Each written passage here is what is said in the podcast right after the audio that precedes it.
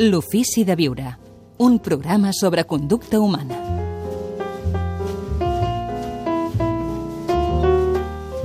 Àlex Rovira, tancant el programa aquesta temporada cada diumenge. Àlex, ben retrobat. Benvolgut, Gaspar. Fins a quin punt hem de fer o deixar fer, eh, tenint en compte que la vida en gran mesura no depèn de nosaltres, hi ha una parcel·la que sí, diguem-ne, però n'hi ha d'altres que no, perquè eh, una parella que ens estigui escoltant ara mateix poden decidir, per exemple, casar-se, però que el casament funcioni o no funcioni, que el matrimoni funcioni o no funcioni, no depèn d'ells. Uh -huh. Tenint en compte això, fins a quin punt hem de fer o deixar la vida que decideixi?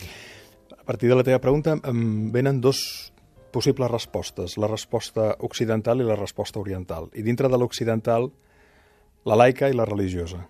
Marc Aureli deia que la saviesa és l'art de dirimir allò que podem canviar d'allò que no podem canviar. Per tant, l'acció, en la mesura en què nosaltres ens sentim responsables i ho som, eh, passa per reconèixer aquelles coses que podem modificar i que no. Probablement, Sant Francesc, inspirat per Marc Aureli, va fer aquesta pregària tan bonica de la serenitat, que diu Senyor, dona'm forces per canviar allò que puc canviar, serenitat per acceptar allò que no puc canviar i sabidoria per diferenciar-ne, dif per dirimir la diferència. Dit això, evidentment que tot s'estructura a partir de la creença d'un jo, d'un jo idea. Quan hi ha un jo, aquest jo ha de fer coses. I tot el muntatge del nostre pensament, tot el pensament occidental, parteix d'aquesta creença i d'aquí es deriva tota la conjugació de tu, l'altre i, per tant, l'acció que se'n desprèn.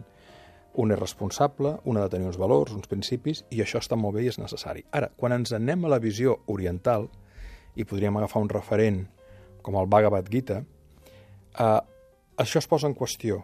I el que el Bhagavad Gita ens ve a dir, i això també eh, ho podem viure eh, i aproximar-nos des de la filosofia Advaita, és que en realitat no hi ha un jo. El jo és una idea que hem creat, igual que posem etiquetes a tot, la nostra ment ens fa creure que som quelcom. Però el que hi ha bàsicament és allò que és. I allò que és, des d'una conceptualització que no existís, és la vida que es manifesta. Des d'aquesta aproximació, en realitat ningú fa res perquè no hi ha ningú. Tot és vida que es manifesta. Això sí, cada qual pot creure i assumir que és el responsable de les coses que fa. En aquest segon nivell és molt difícil arribar-hi si no és per la pròpia experiència de la, del despertar. Penso que eh, realment, tal i com estem construïts els occidentals, és molt important eh, no resignar-nos i creure que podem canviar les coses i no renunciar a l'utopia i d'alguna manera eh, tirar endavant, posar-ho tot en la mesura que creiem que ja ho podem millorar.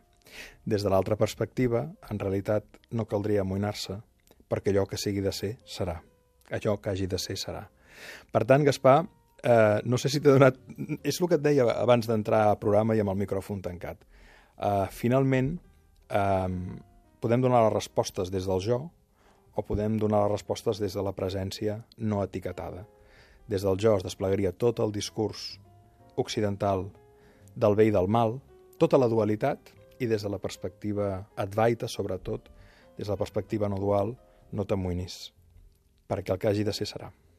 Àlex, moltes gràcies per aquests elements de reflexió. També a Moltes Occident, a tu. a Occident també sembla que de vegades hi ha una única veritat i tu aquí ens has exposat unes quantes veritats. És que penso que és interessant mirar-nos les coses des de perspectives complementàries. Gràcies, Àlex. Fins la setmana Una que ve. abraçada a tots. Els oients també. Una forta abraçada.